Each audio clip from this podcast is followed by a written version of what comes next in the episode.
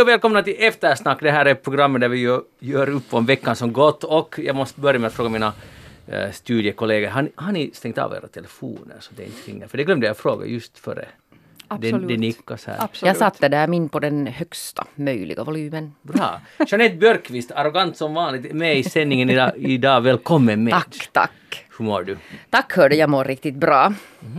Hur mår du? Ja, alldeles utmärkt. Men vad trevligt. Ja. Tack, att du, tack för att du frågar Ja, i alla jag försöker vara artig. Ja. Pia-Maria Lehtola är här idag. Välkommen med Tack i så sändningen. Hur har ditt liv gått hittills år 2020?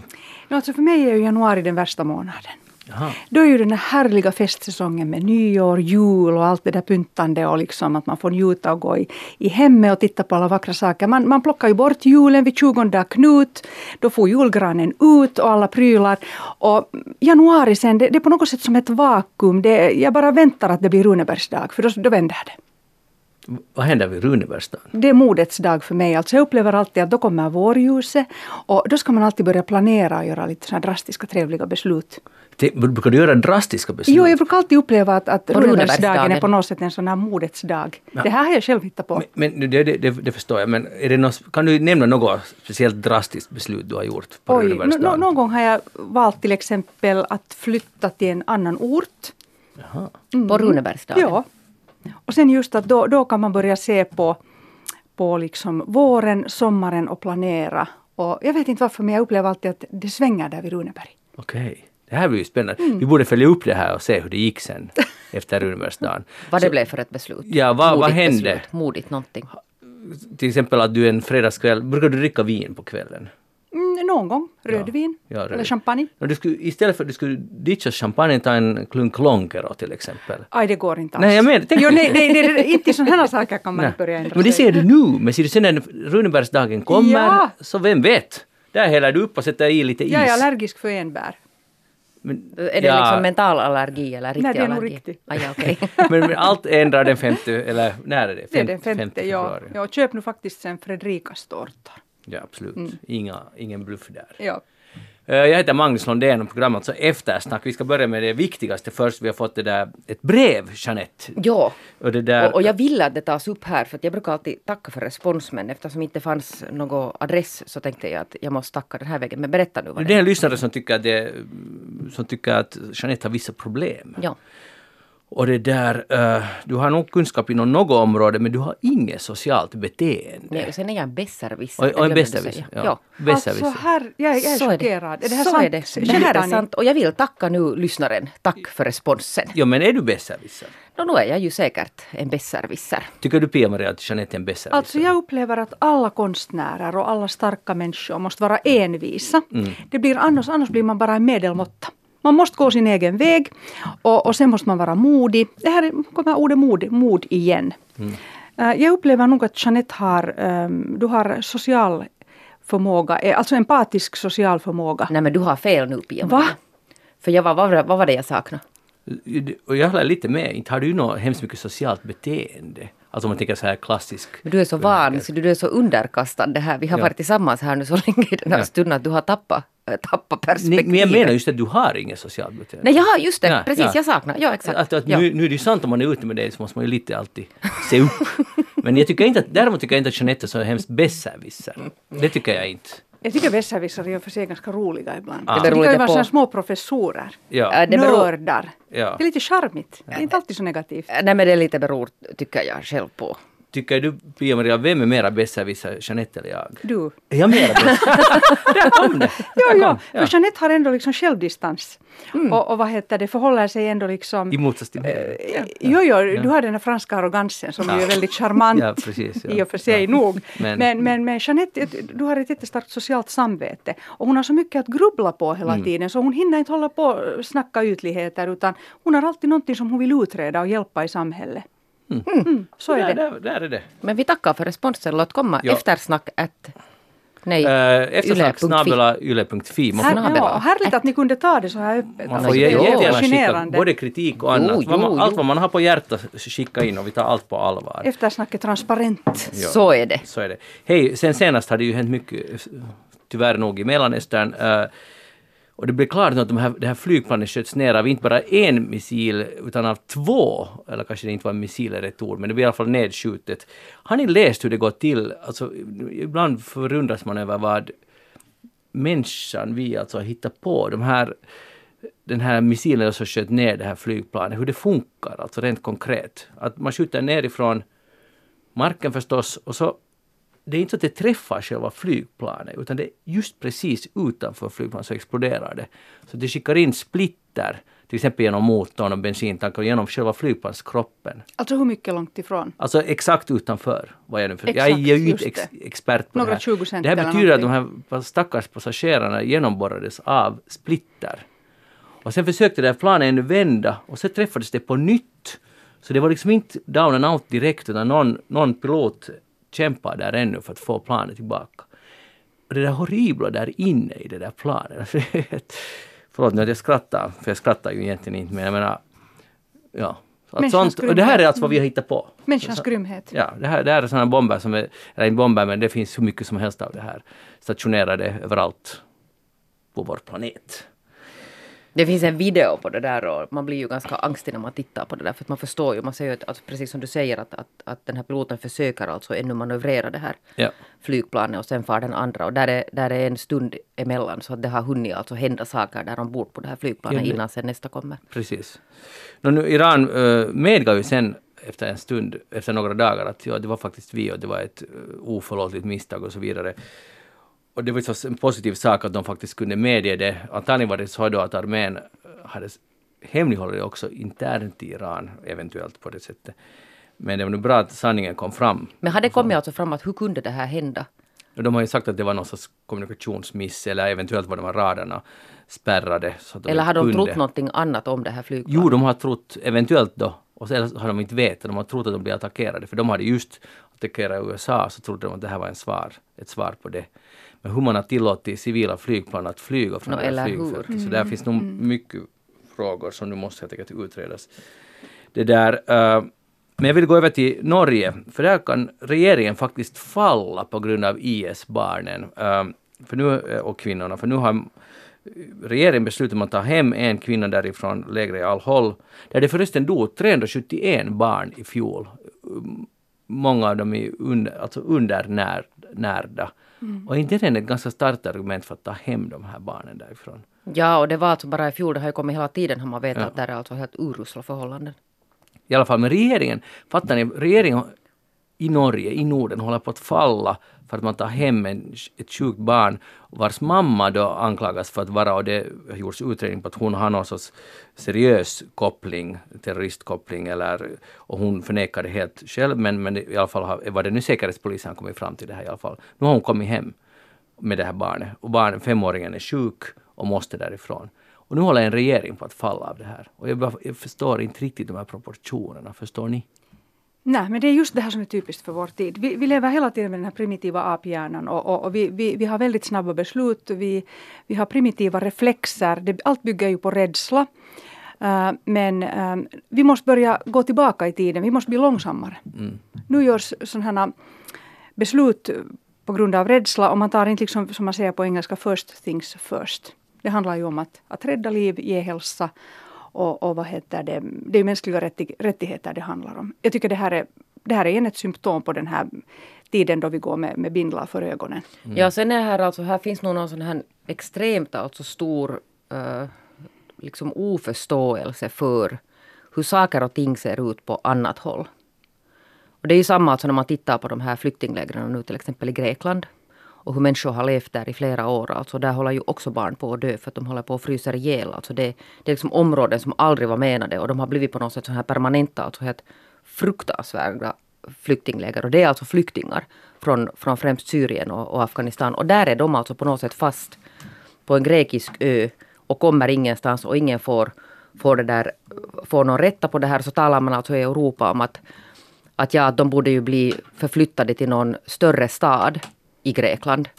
Och det är ju inte det som är lösningen på det här. Det är på något sätt liksom att man igen är i, det här att, att man liksom inte, så, som att alltså människor inte förstår att vad är det alltså på riktigt för förhållanden andra lever i när man lever till exempel i ett Al-Hol-läger. Och det, det är barn som finns där. Alltså det är ju helt som Magnus säger att, att det där och, och man kan tycka och tänka liksom vad man vill om de här mammorna, men inte det är de där barnen som har farit dit.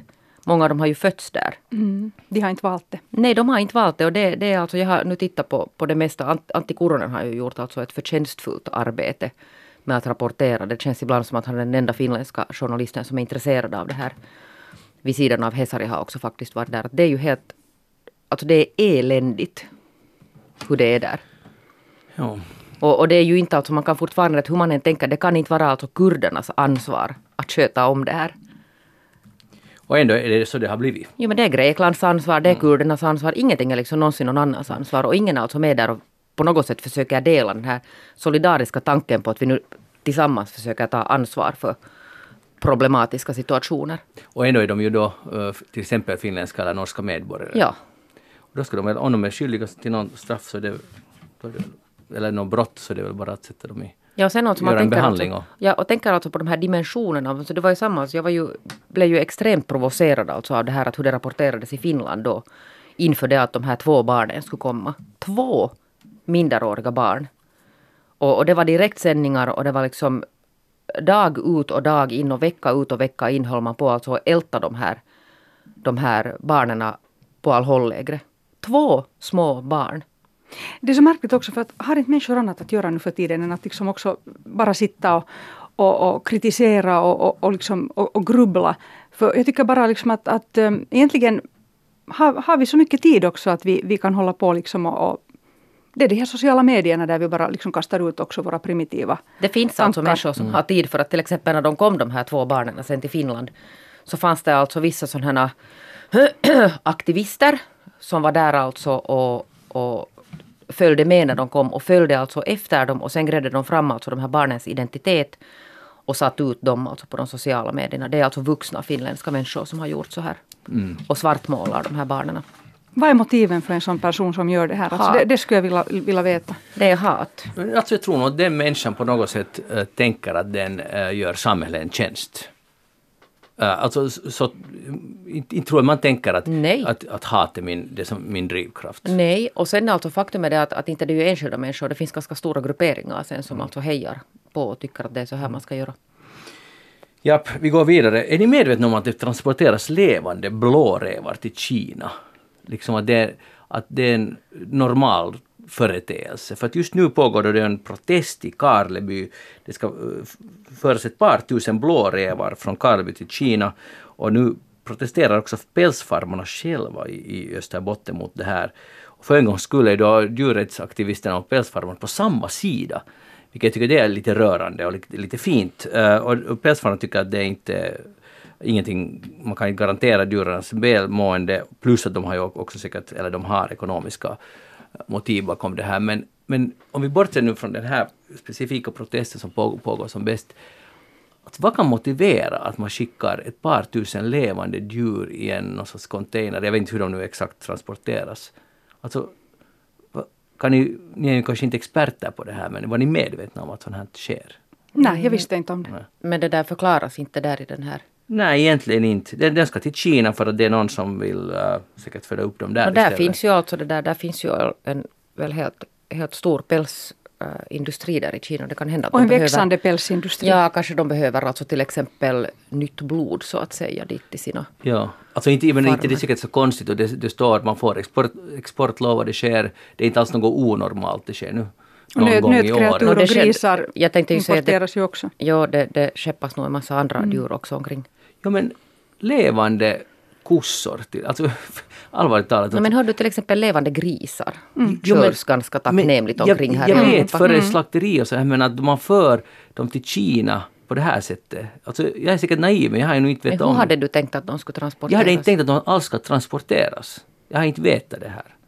Alltså på det sättet tycker jag det är bra att det är en protest på gång att okej, okay, det är så här det funkar. Och det här, det, nu har det nått över nyhetströskeln. Att det är så här som det sker. Men inte tror jag att det forslas så mycket levande kreatur till Finland från Asien. Om ens något. Förstår ni vad jag menar? Att nu måste det vara ganska exceptionellt. Före, det är business-syfte. Före någonting ju, mm. slaktas är det ju en annan sak. Mm. Och det är ju också helt jag galet. tänkte ju säga att?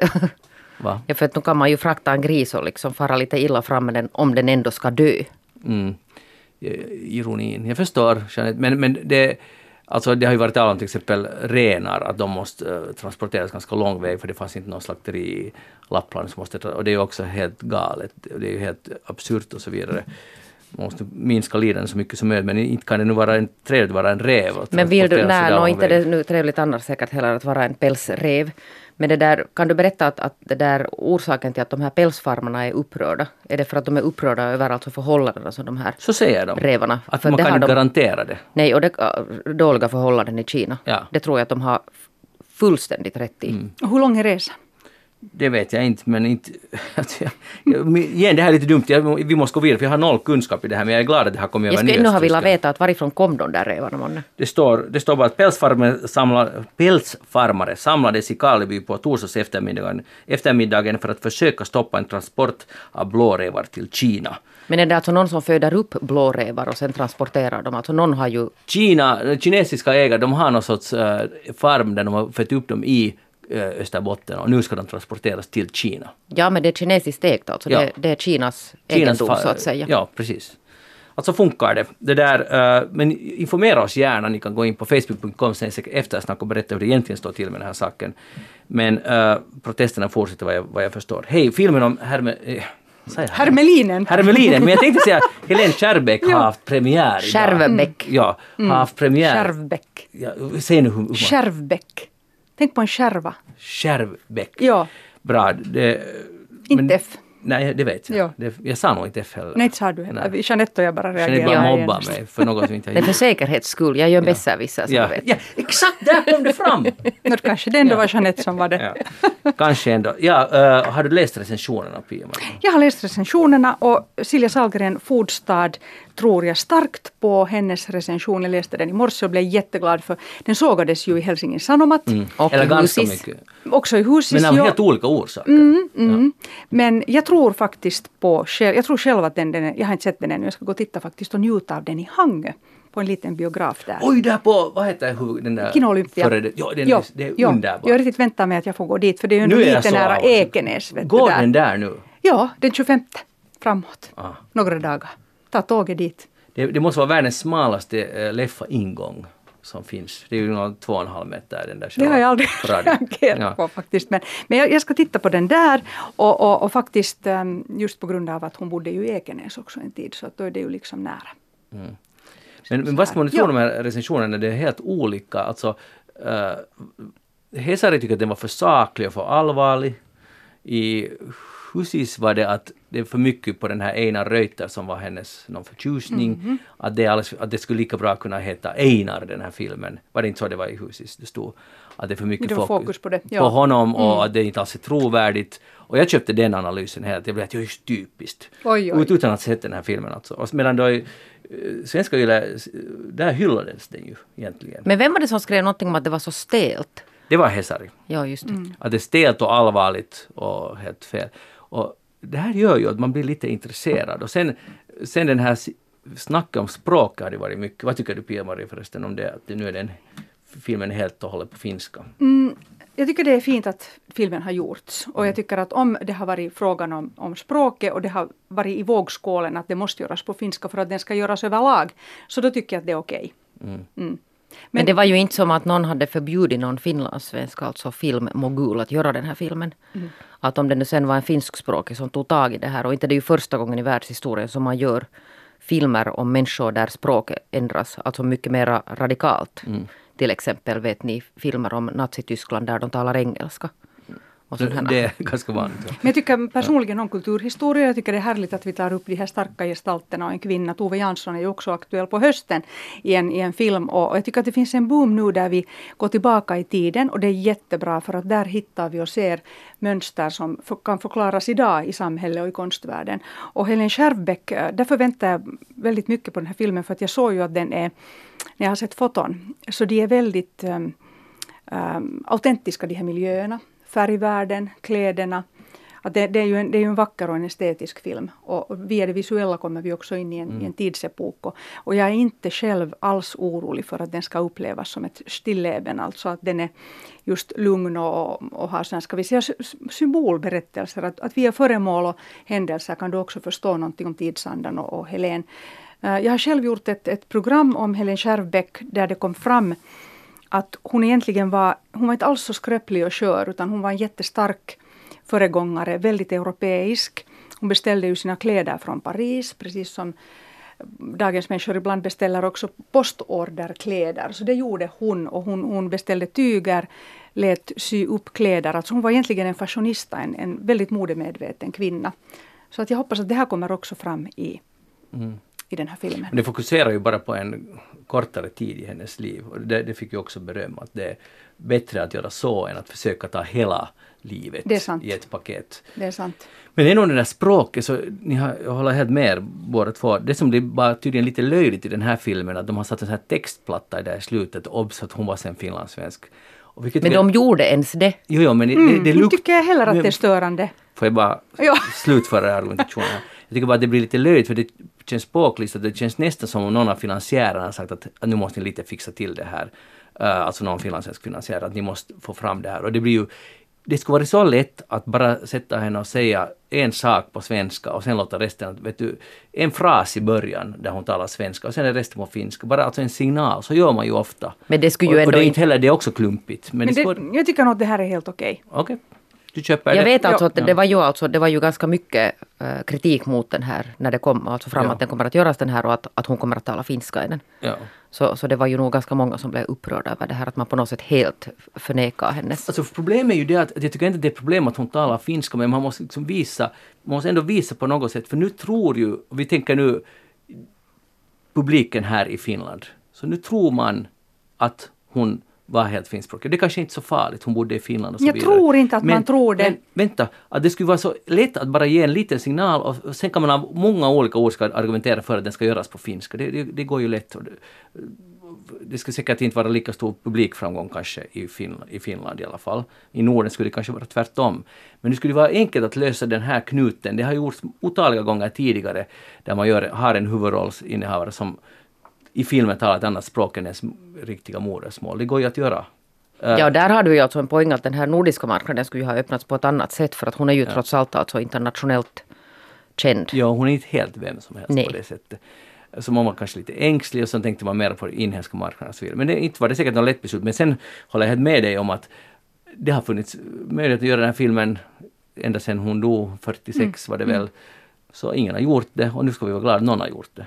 Men jag tror nog ändå att folk vet att hon är finlandssvensk. Nej, vet du det? Är jag, ganska, det. jag är helt hundra procent säker på att de flesta nog inte. Men är det viktigt Om ni tänker på hennes namn till Eller kanske alltså, nu är ju namnet också, nu säger Nu ska jag inte säga, alltså det kan hända nog att kanske, ja, publiken för den här kanske är så pass beläst. Men inte tror jag, inte tror jag liksom ens överlag att, att folk tänker på att hon var finlandssvensk. Mm. Inte tror jag att man tänker på att Edith Södergran var finlandssvensk eller en massa andra sådana historiska figurer heller var finlandssvenska. Nej, och det är just det att det, sen försvinner det. Att om inte man, därför menar jag just en signal. Men tänk på den här fantastiska YLE-serien uh, om uh, kupp, kuppen i Chile 1973. Som vad det nu hette, något hero, Invisible Heroes. Hur de fick in så många olika språk.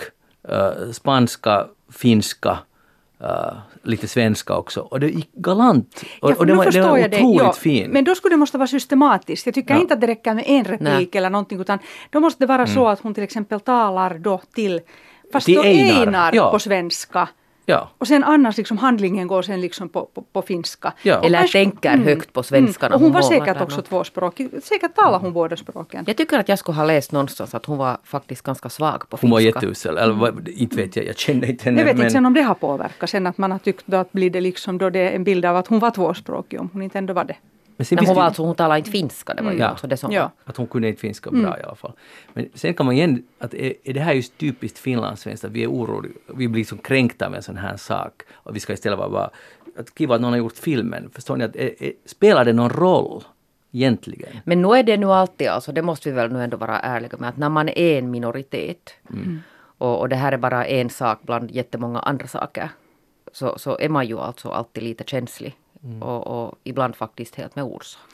Jo, men man kan alltid diskutera den här känsligheten. Att det är också helt bra att se det utifrån. För jag tror att många finlandssvenskar tycker att sluta gnälla om det där. Att ni, vi, vi framstår bara som löjliga som gnäller om en sån här sak.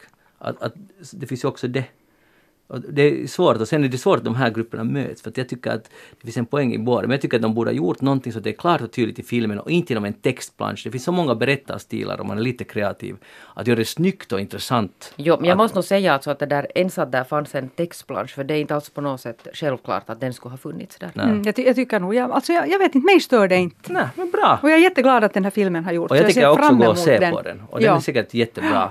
Och, men jag ser bara den textbranschen, jag påstår att det är finansiärerna som har sagt det i, i sista stund. Att det här måste ni fixa till, det är pinsamt. Nå oberoende så finns det. Det är säkert där. Kulturfonden med och har pejat någonting och, och så har de sagt att på något möte att nu det här går inte. Eller någon annan. Men sen har vi härligt, vi har också att vi får gå och se Tove Jansson sen på hösten. Ja. Det tycker jag också är ljuvligt.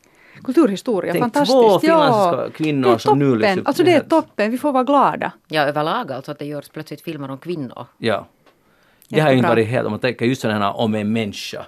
Så det är nog väldigt få sådana filmer. Det kom den här, uh, vad heter hon, Kuusinen. Det kom ju en sån. Herta Kuusinen. He- Ja, kom det, inte, det kom en film om henne. Ja, det gjorde det. Uh, så det är nu typ där, om vi tänker på finländska. Nu har det säkert kommit något annat. Men, tänker du Jeanette se filmen? Ja, nu tror jag det. Jeanette Björkqvist, vad har du tänkt på den här veckan? Jag ska titta på den filmen om du går och tittar på det som jag har tänkt på den här veckan som du missar. För jag har nämligen haft en helt otroligt stor teaterupplevelse. Jag var på premiären på, på Lilla Teatern här på lördagen. De hade gjort en sån här som jag förstod att inte hade varit helt alltså enkelsålt. Alltså ett sånt här koncept att de samlar in berättelser av vanliga människor. De hade ett sånt här formulär som de körde och så, så fick de lite vänta på att vad månne händer, att vem svarar. Där de frågar en massa sådana här stora frågor om livet. Att vad ångrar du och, och vad skulle du vilja? Och finns det någon scen som, som du skulle vilja se från ditt eget liv på teater? Och så hade det tydligen kommit alltså jättemycket svar. Eh, och jag hörde alltså lite sådana här skeptiska kommentarer inför den här pjäsen. Att vad kan det nu sen bli när man plockar lösryckt en massa vanliga människors eh, tankar och teser och så sätter man det på teaterscenen. Och jag måste säga att det är en av de alltså största teaterupplevelserna jag har haft i hela mitt liv. Alltså den var helt fantastisk. Vet ni att, att det var liksom vissa, vissa berättelser, var, jag ska inte säga liksom explicit vad de handlar om, men stora och svåra och tunga, alltså livsavgörande saker. Och så var det sådana här helt fullständigt alltså banala grejer som att någon åkte i ett tåg i Karis och sen var där två sådana här, sådana så att säga överförfriskade gubbar. Mm. Och den ena höll på att trilla ut från tåget och sen drog hon i nödbromsen. Och det var liksom hennes sån här att det här skulle man kunna gestalta på scenen. Och det var liksom variationen var helt alltså från smått till stort till, till enkelt. Och det är ju helt alltså briljant det här. Och, och den som träffar mycket människor, så som jag till exempel gör i, i jobbet, så fanns det ju alltså en extremt stor igenkänningsfaktor. Vet ni att, att det är vad som liksom, vet ni att, att, att i, vilka, i vems liv är vad viktigt? Att för någon, liksom, det var till exempel någon, någon sån här manskaraktär som, som ville att man skulle gestalta på scenen när han tänker ut hur han ska liksom rädda och lösa hela Finlands kris. Förstår ni att, att, att, att den här, det finns den här alltså typen av medelålders män som anser sig ha alltså det rätta svaret på allting och han vet alltså hur allt ska göras bättre. Jag tycker om de här männen. Jag, alltså jag tycker också om dem, men förstår ni att det fanns av alla de här som man träffar. Eller någon sån här lite ängslig tant eller kvinna eller någon, någon som har liksom gått på misslyckade Tinder-dejter. Alltså det, var, det var helt otroligt. Jag önskar att det skulle göras mera sånt här. Inte bara på teaterscenen utan så där överlag att man skulle samla. Men där, är- jag kommer att tänka på min favoritmening, verkligheten överträffar fiktionen. Ja. Att ofta är det så att det som händer, det som vi ser och vi kan bevittna själv någon gång, så upplever vi att det här skulle jag aldrig ha kunnat skriva om någon skönlitterär text eller någonting, utan verkligheten gjorde det. Det, det, det är fascinerande. Och det är så. Jag menar, Ja. det bevisas ju dagligen. Ja, ja, det är ju att det. är helt enkelt Ja, sant. ja. Och jag hörde till de som var så här småskeptisk till det där. Jo, jag läste vet. bara några rader, jag har just så. Och, och nu, det, det bästa är ju när man har 100% fel. Ja. För att nu har, ser alla om den här pjäsen att det här, man måste se den. Och nu sa du det. Ja. Så nu, det är bara att marschera dit, köpa Ja, en och sen, biljett. sen önskar jag alltså jätte, jättemycket att det här är på något sätt någon sån här banbrytande i Finland. Att, Hur att, menar du nu? Alltså så här att, att andra teatrar till exempel också skulle ta exempel av det här. Att man skulle försöka göra alltså så här. Jag menar, det, det är ju liksom möjlighet för vilken som helst scen att, att försöka sig på något motsvarande. Nu var den ju alltså bara extremt alltså väl gjord från början till slut. Jättebra skådespelare, jättebra regi, jättebra allting. Och det Jag har- menar, just, ja. jag, jag menar just att det, man kan ju inte bara samla ihop historier, där behövs ju ganska Nej. mycket annat på vägen. Ja, och sen är alltså grejen det att du kan ju aldrig veta vad du får. Och sen medmänsklighet, medkänsla, empati. Det här är igen ett sätt att ta bort de här gränserna och hierarkierna. Så det är ju alltid fint. Det kan bidra också till, till att vi blir mera öppna och berättar om våra liv. Jo, jo, och för inte det har blir- våra roller. Rollerna är ju det värsta. Nej, men sen blev det alltså på något sätt det blev en sån här känsla av att man träffar en massa verkliga personer som har alltså sina egna små funderingar där Ja. i sitt liv eller har sina extremt jättestora funderingar. Eller har, har gått igenom någon kris eller aldrig har haft någon kris. Och, och det var som att man träffade alltså en massa människor. Det var otroligt fint. Hur många scener ungefär, alltså ska vi säga skildringar ungefär? Och där var nog alltså tiotals. Tiotals? Tiotals. Så alltså. vissa är jättekorta? Ja, vissa är jättekorta. Det låter ju, alltså, det låter ju så här råddigt men det var alltså inte alls Ja. råddigt. Det, det, det var en mycket märklig upplevelse. Och vilken berättelse berörde dig personligen mest? Nå, det, där var på slutet nog sådana som det där, alltså helt av förståeliga skäl, det förstår man om man går och tittar på den här pjäsen, varför. Men, men jag älskar de här små enkla sakerna också. Jag tycker att det är underbart att det finns människor som, som liksom i deras liv är den här saken viktig, som liksom ter sig så banal och det är ju fantastiskt att det finns alltså människor som tar fasta på alltså Vad kan det små vara för en liten sak? Jag tycker till exempel att om man nu väljer så där att, att din viktigaste scen från ditt liv är det att man alltså drar i nödbromsen på ett tåg så tycker jag att det är helt otroligt sympatiskt. Och sen är det ju helt fantastiskt att så många människor tydligen har alltså delat med sig. Inte skulle det ju ha gått att, att göra en sån här utan att människor delar med sig.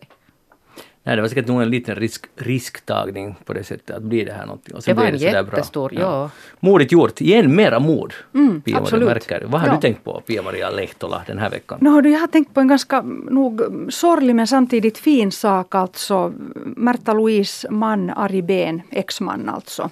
Norges kronprinsessas, eller prinsessas exman. Ari Beni känner till säkert författaren och, och mm, på senare år också bildkonstnären. Var han 47-48 år.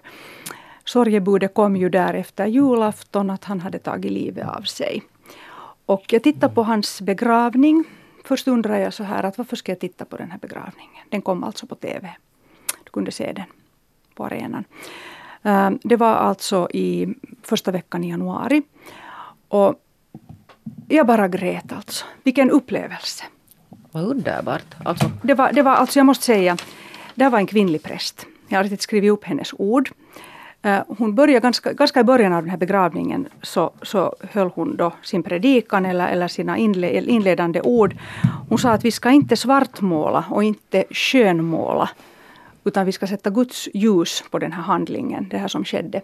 För det fanns ju tider där man eh, inom kyrkan till exempel inte godkände en människas självmord. Att det var liksom ett, ett, ett, en straffbar handling och det var någonting som var emot Guds vilja, att någon själv valde att ta, ta sitt liv. Och det att man då, ehm, att, att den här kvinnliga prästen då ville, ville inleda med att vi inte ska svartmåla, inte skönmåla utan sätta Guds ljus på, på den här händelsen. Jag tyckte det var fantastiskt. Sen fortsatte ju hela den här begravningen med personliga tal. Ari Behns dotter kom och, och, och satte en, en en tavla. Hon hade själv tecknat en bild av pappa, ett porträtt som hon skulle ge honom på julen. Hur gammal är hon? Hon typ 16. oh, och, och, och det här porträttet så hade hon då där i handen. Hon kom gråtande då till, till kistan och, och, och berättade åt pappan att hon har hållit på med det här i tio timmar och hon skulle ge det på julen åt honom. Att de, de skulle fira julen tillsammans, de skulle ses på julen. Men så blev det inte så. Och, och hon var också ganska arg där för hon sa att, att jag hade väntat mig att du skulle komma med mig här i kyrkan och, och gå bredvid mig när jag gifter mig. Att, att du var ju på min konfirmation och höll tal. Och nu är jag här vid din kista och håller tal. Och, och så sa hon också, det kom fram en ilska där också att att, att eh, om man mår dåligt så som du, du mådde, så det, det går alltid om. Och, och det, det visste du inte. Att hon liksom tog också tag i det här. Att därför blev det också, tycker jag, en, en kollektiv tröst för flera människor som mår dåligt, att de kan uppleva att det går om. Att den här 16-åringen sa det här, alltså hennes mission där var, var, var så otroligt stark. Sen fanns det andra tal också. Hans mamma höll ett, ett väldigt rörande tal. Hon själv jobbar in, inom psyko, den psykologiska branschen. Jag kommer inte ihåg om hon var psykiater eller, eller så, men, men det var också ett fantastiskt tal. Och det som egentligen som väcktes i mig var att, ehm, ja det, det måste som en parentes min mamma hade också tittat på det i Spanien och hon hade varit helt tagen också. Och sen hade också min goda vän en lyriker, författare, hon hade också tittat på den och blivit totalt liksom omtumlad. Och för mig tog det också en hel dag att liksom bli fri, fri från det här. För att det var, det var också en tung process att se det här och bevittna det. Och, och liksom processa i sitt eget hjärta. För det är ju en jättestor sorg när en ung människa, han var under 47, tar livet av sig och, och så här. Eh, men det som jag skulle komma fram till var att jag, jag undrar också mycket att vad, vad var det som gjorde det här så speciellt? Jag funderar på, på den norska folksjälen. Jag har aldrig själv varit i Norge, jag känner inte på det sättet normen. Men den här öppenheten och, och den här liksom generositeten, hur de, hur de öppnade sig själv där och de visste att den kom, det, det, det televiseras och att, att eh, den, var, den var också öppen för allmänheten, den här begravningen. Så jag vet inte, det, det liksom fascinerar mig. Jag började fundera mycket på det. Jag talade med min goda vän om det här i förrgår. Att, att att är det något speciellt, att skulle vi i Finland kunna ha en så här öppen och personlig begravning och tala så här öppet? Och, Om självmord alltså? Ja. Mm. Och, och, då sa min, min vän, hon sa bara att, att hon upplever att det här är på grund av Breivik-fallet, Utöja då alltså, som, som var ju fruktansvärt och blev en kollektiv, kollektiv sorg i Norge. Och att de då med, i samband med den liksom hittade ett sätt att trösta varandra, det norska folket. Jag tyckte det var en intressant synpunkt att ha det påverkat. Att, det är svårt att säga men... men det kan nog hända för mm. att de gick ju igenom alltså en otroligt stor kollektiv sorg via det här Utöja. Ja. Som nog bearbetades öppet och offentligt och det talades mycket. Och, att skulle de därifrån ha fått någon sån, jag vet men, inte. Men har inte alla nationer någon sådana ganska djupa trauman som skulle, man skulle tycka att skulle i så fall med samma logik har lett till en? Eller är det det att det skedde Nej, så det nyligen och det var unga människor? Jo, mm. det var så nyligen mm. och det var så många. Och det mm. var alltså i ett land som Norge. Ja. Men det där, sen den där frågan att om man skulle kunna göra det i Finland så har jag nog på något sätt spontant skulle jag säga att absolut inte. Nu finns det ju säkert jättemycket tystnad och man det motas så att säga inom citationstecken på det sättet här. Det inte talas om det. Nu finns det ju, jag vet inte om ordet skam är rätt men att det blir sådär uh, nu är det ju jättetungt för säkert alla berörda att tala om det och här är det ett gott exempel att visa. Ja, sen den här kvinnliga prästen alltså som, som verkligen gav en, en hon ledsaga på något sätt hela, hela den här grupperingen av människor och nära och, och, och där var Skavlan också satt där och, och så helt mm. Men totalt ju, nedbruten ut. Vi har ju alltså Finland, vi har, det, det, har ju inte sett så bra ut för oss i statistiken om man tittar på självmordsstatistik i vårt land så vi har ju ett ganska sådär mörkt men sen är det också viktigt för det är den där, sen, den som begår självmord är ju sen borta. Mm. De som blir kvar, familj och allt, ut, utvidgad familj och vänner, speciellt de som är närmast får inte heller liksom lämnas ensamma. De måste också, och det ska inte Liksom det blir inte bättre av att inte tala om mm. det utan fråga hur går det? Liksom, och, och, och, finnas där. Så jag tror att det där brister det säkert jättemycket i vårt land. Att, ja. man, att man inte helt enkelt vill tala om det. För det är liksom jätteobehagligt. Och självmord är ju minst sagt det. Mm. Så jag tror att det här är, mm. kanske man skulle kunna få inspiration från den här begravningen i så fall. Ja, alltså jag, jag rekommenderade åt, åt min goda vän som är forskare att, att titta på den här. Och, man skulle kunna göra en forskning på den för den var så speciell och den, den liksom handlar väldigt mycket om, om empati och förlåtelse och sen också preventivt alltså att, att var, var oroliga om, om era närmaste. Fråga. Mm. Var, var mera öppna och liksom vi kan, all, vi, vi, kan inte alltid veta att någon som ser jätteglad ut kan, kan bära på en fruktansvärd sorg. Nej, och sen är det helt sant alltså vad den här dottern sa att det går förbi.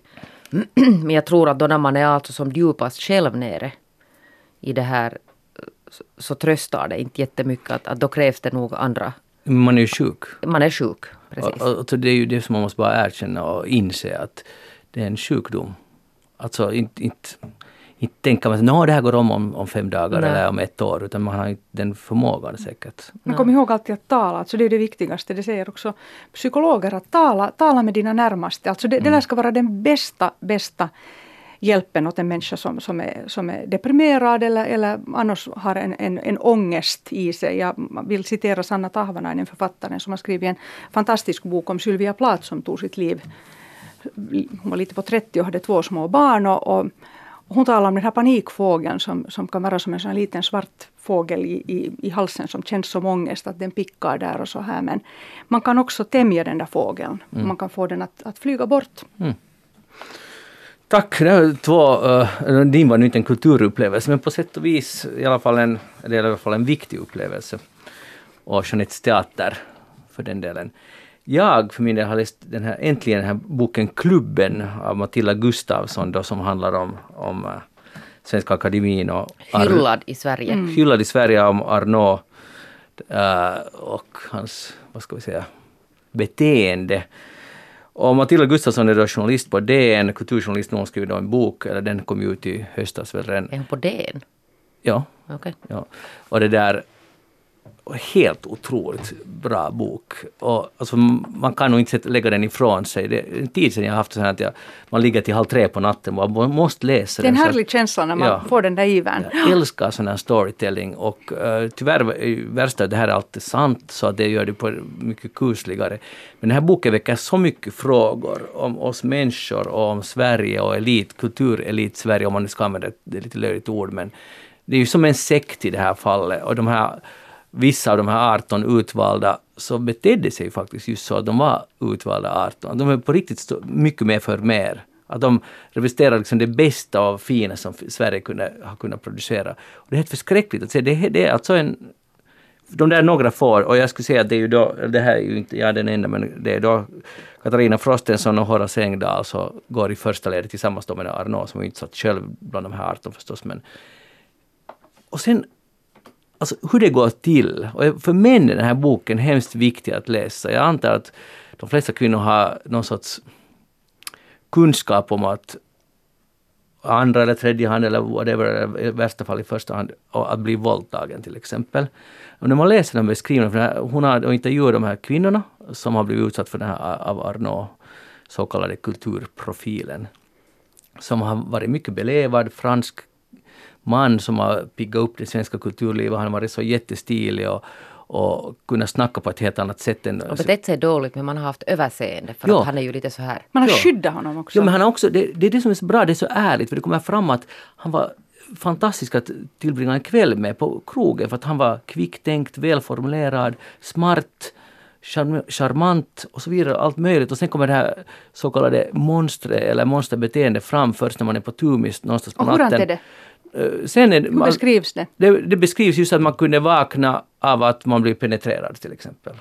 Och då har det inte funnits någonting, eller, eller plötsligt bara så blir det blackout, man, man, man är ute och har haft en jätterolig kväll och sen plötsligt blir man så full att man inte kan gå mer. Så var det då någonting i drinken. Och det här låter ju, kan man ju avfärda, ja ja typiskt att så vidare. Men det är så trovärdigt för det är så många kvinnor. Och sen efteråt så sitter han där och tänder en cigg och, och är helt iskall och säger ska jag beställa en taxi åt dig? Och, och det är det jag vill komma in på, det här att som man inte kan förstå om inte man har varit mer eh, utsatt för det själv eller får sådana här verkligt taggade beskrivningar. Att, att den här paralyseringen, att man, det är inte så att man säger nu går jag till polisen nu, nu, nu gick det för långt, utan man är helt paralyserad och man kan inte tro att den här människan har gjort det här mot mig. Och så börjar man tänka att vad, är det mitt fel? Men det där är ju alltid, är det mitt fel? Men det är ett typiskt beteende om du utsätts för en, en narcissist till exempel, ja. eller, eller, man använder ganska lätt det ordet psykopat nu för tiden också, mm. narcissist. Men, men det där, människan börjar ju alltid att söka fel i sig själv. Ja. Men om människan känner sig obekväm, då har hon rätt i sin känsla. Mm. Jag grävde ju det där lite in mig det här på våldtäkts, allt det här alltså när jag gjorde det här i maj. Och det är för ett år sedan var det, för, för Longplay, alltså en sån här stor grej om, om våldtäktsfall i Finland. Och det här med att man fryser till exempel, sån här freezing reaction mm. är jättevanligt. Alltså det, det är sån här helt, alltså vet ni, eh, liksom biologisk förklaring att när du blir tillräckligt skräckslagen så kan inte du göra någonting. Mm. Och det här Eller är viktigt den, att, att, förstå. Ja, och sen den här att skuldbeläggningen, så det, det är nog det där, särskilt alltså i sådana här våldtäktsfall så är det nog nästan helt normalt att man på något sätt skuldbelägger sig. Att mm. jag gjorde någonting, jag gav några vinkar, ja. jag gjorde någonting. Och sen kan det ju ta, alltså det kan ju ta, alltså det finns ju människor som kan gå efter 15 år först och försöka anmäla sin våldtäkt. För att man helt enkelt alltså agerar internationellt efter att det här, det är alltså fruktansvärt traumatiserande brott. Jag menar, vad är mera intimt än det att någon är inne i din kropp? Ja, när du inte då har kunnat se det komma på något sätt, ja. utan plötsligt bara är det där.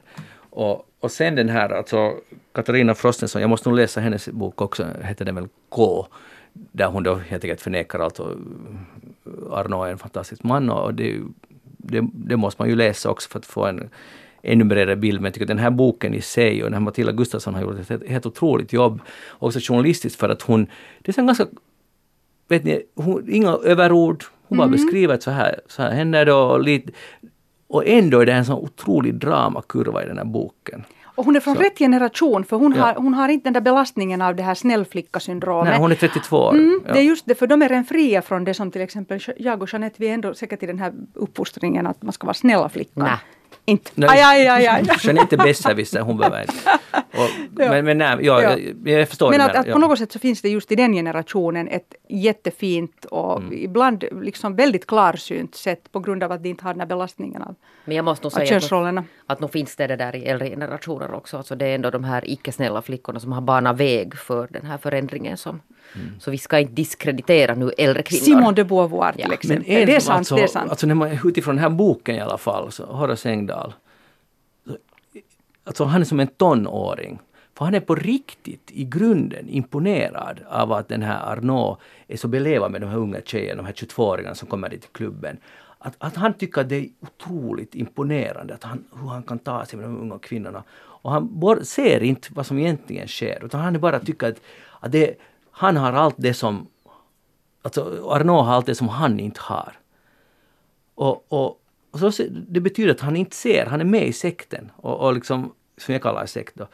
Och är så vansinnigt imponerad av det här och, och det förblindar honom på alla sätt. Och sen vill han krossa då, eh, vad heter hon som uh, dog som var i akademin. Danius, Sara Ja, Danius. Sara Danius.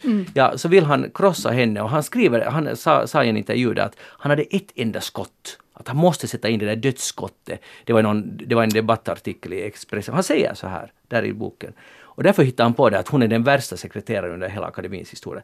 Och det, och det satt där det skulle. Liksom att sen, det, det satt hela allting i gungning och hon måste sen i praktiken avgå. Och den här jappen, som, det enda han, han är bara imponerad av Arnauds liksom, stora, att han kan, en 22-årig brud liksom faller för hans snack och, och han tycker att det är så imponerande.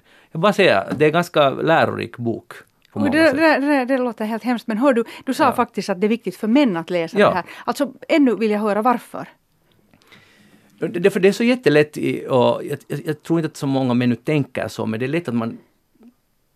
Många män, för det första förstår vad det är att bli våldtagen och det är inte den där, ofta det är inte den där främmande mannen som hoppar ut ur buskage. Mer sällan är det så. Ja, mer sällan så. Att till exempel för det första förstår det. Och sen att de här kvinnorna ger helt, de säger att ja, nu- ja, de gick faktiskt hem till honom. Men de hade aldrig en tanke att det här var så roligt, umgås med den här killen, vi går hem och dricker ett glas vin och sen händer något helt annat som hon inte hade planerat. Och så börjar hon besky- beskylla sig själv och det är liksom aldrig så där entydigt och det är det som är så bra med den här boken, den är så ärlig. Att de, kvinnorna säger inte att jag var hela tiden emot det. Jag var, först var han charmant och han var spännande. Oj, att han är ju Frostensons man. Att, men då är det ju, tänker de att det är safe att då kan helt bra gå hem till deras hem till rent av. Och, och just att det är, alltid, det är aldrig så där entydigt. Och sen just det här att man tycker att eh, om man har blivit våldtagen så går man till polisen och så tar man det där spermierna bevisar att det var en våldtäkt och kanske ett blåmärke. Men det funkar inte på det sättet. Och jag vet att många vet det här men för mig var det Men jättemånga vet inte ja. där. Men det var hemskt belysande och att det är inte så enkelt som att gå till polisen och Nej, och den är ju alltså den här värsta som finns är ju den här, den här myten om våldtäktsoffret, att hur man ska det där bete sig. Eller hur människor som inte har någon aning antar att man beter sig. Precis. Som alltså också stämplar den som blir våldtagen, som tänker att jag betedde mig fel. Och som sen alltså ifrågasätter sig själv och det är jättedåligt. Jag rekommenderar att man läser min text också, den här man kan, långtexten. absolut. Men vad är orsaken till att en man blir som kulturprofilen? Vad har hänt i hans liv? Varför blev han så? Det kommer ju fram där att för det första han är elektriker, alltså han är en sån alltså mytoman, han är helt till största delen bluff alltsammans, allt det han liksom, han kommer till Sverige och, och via sin pappas företag ursprungligen och sen Sen skapade han en sån kulturprofil kring sig, att han var med i studentrevolutionen 68 och han var framträdande. Allt det här är bara bluff. Så att en mytoman? Ja, ja, faktiskt en mytoman som är otroligt bra att snacka och kan röra sig i de rätta kretsarna och sen är jättehård. För han hotar de här kvinnorna, som är då alltså 22 eller 23 år eller 21, att vet du inte vem jag är gift med? Att jag kan krossa dig. Ja, han har ju haft alltså, han har ju kommit Ja. upp i en status. Ja. Via då sin fru som sitter i den här sekt, sekten, eller några i den där sekten.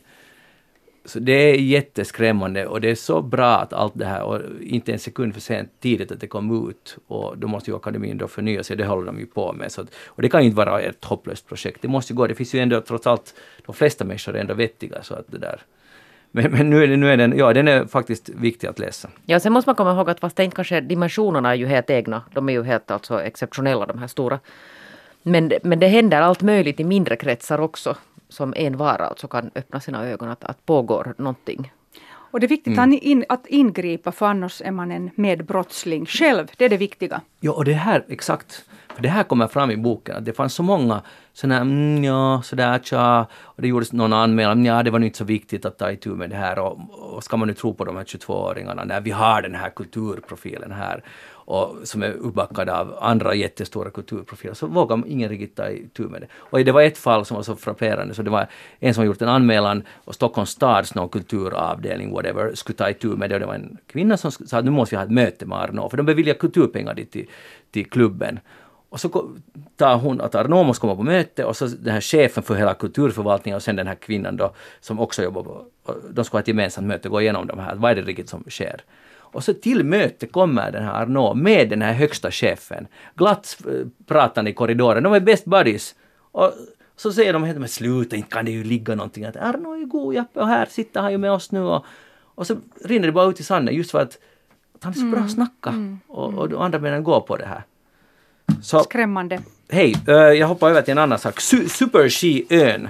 Uh, Pia Sandonen på svenska YLE. Ni vet den här ön som ska Ja, vi vara... vet verkligen Jo, vi vet, och Pia ja. Santonen har gjort ett fenomenalt jobb. Ja, och grävt och hållit på och inte gett sig. Och jag, jag är jätteintresserad av det Berätta här. nu för de som inte vet vad det är. Super-G är då en ö i, det är väl egentligen inte i Ekenäs, men, men i alla fall i Raseborg i Skärgården. Fjärdskär som eh, den här tysk-amerikanska Kristina Roth, det uttalas kanske inte så på tyska eller jänkiengelska, men i alla fall köpte den här ön och, skapade en sån här paradisö endast för kvinnor. Eh, och, och det där man ska kunna semestra i lugn och ro utan jobbiga män och, och så vidare Och meditera och meditera äta och vegetariskt. Äta vegetariskt. Det, och, och nu har hon grävt i det här att hur har det riktigt gått till med byggloven och allt sånt och det har tydligen gjorts alla möjliga fixande där på ön utan tillstånd och, har helt enkelt grävt i det här och vad är riktigt superski idag och, och nu har de helt bytt profil borta i medie, vad heter det, meditationen, nu är det istället sexleksaker och, och och empowerment på en sån ganska bisarr, liksom, why not, det är inte mitt problem men, men, men nu bygger hela konceptet på att man ska ladda ner deras app. Och om jag till exempel, eller du Jeanette laddar ner den, om du får 100 eller 200 andra kvinnor att ladda ner appen, så får du en vecka gratis på den här fjärdskär, kanske någon gång. Och det där, så det är ett pyramidspel på sitt sätt. Och det, det kost, kostar då att ladda ner appen, det kostar en 15 euro eller något sånt. Men, och det här är då konceptet och det verkar mycket suspekt. Och det fanns en sån här video till när hon har uppträtt i Riga för ett år sedan. Jag kollade på det, det var helt trash. Den här presentationen som den här Kristina Roth presenterade där. Och, för jag tyckte först att det var ganska coolt med en sån här ny businessidé. Och okej, why not bara kvinnor? Men Och nu, det fick jättemycket publicitet Ja. då när den kom. Jättemycket internationellt också. Ja. För det låg i tiden.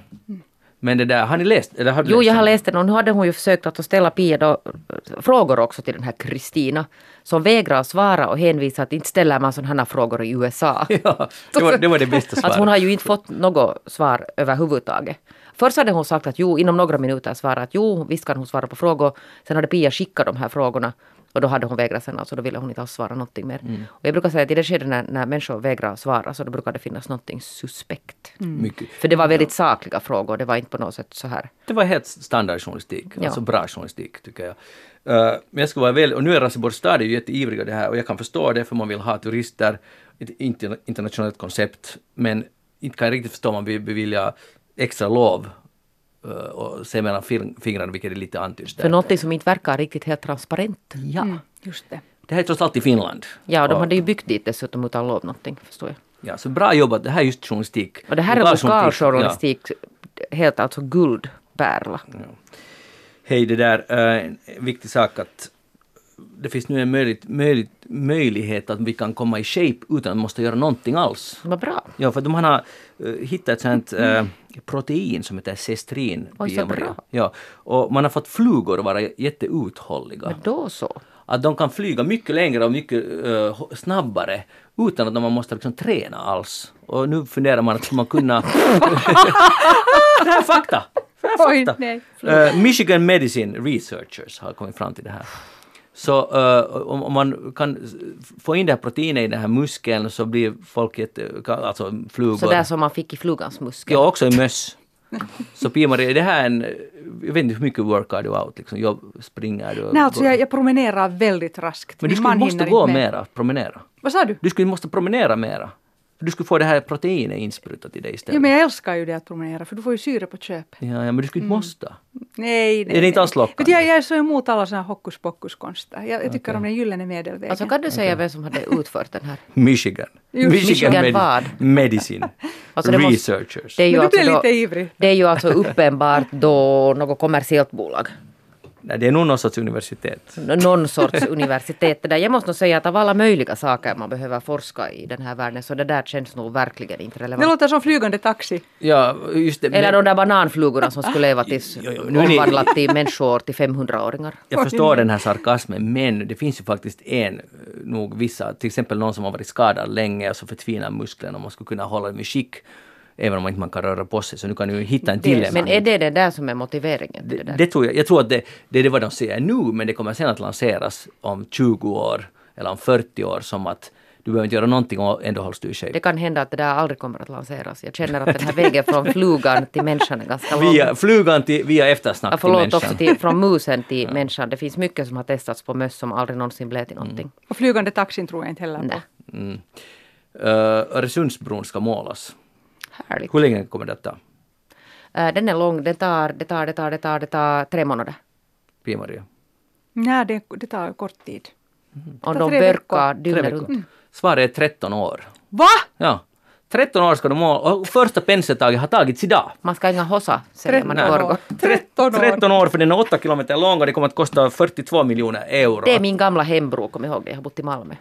Tack Jeanette Besserwisser Björkqvist. Du är nog fin och tack att du var här. Och tack Gunilla för responsen ännu en gång. Och Pia-Maria Lehtola, tack för att du var här. Du är också fin. Tack. Och inte besserwisser. Och jag heter Magnus Lundén. Programmet är alltså Eftersnack. Vi är tillbaka genom en vecka. Ni kan gå in på facebook.com .com eftersnack och tycka till eller e-posta oss på eftersnack och ha en riktigt skön helg och vi hörs igen. Hej då!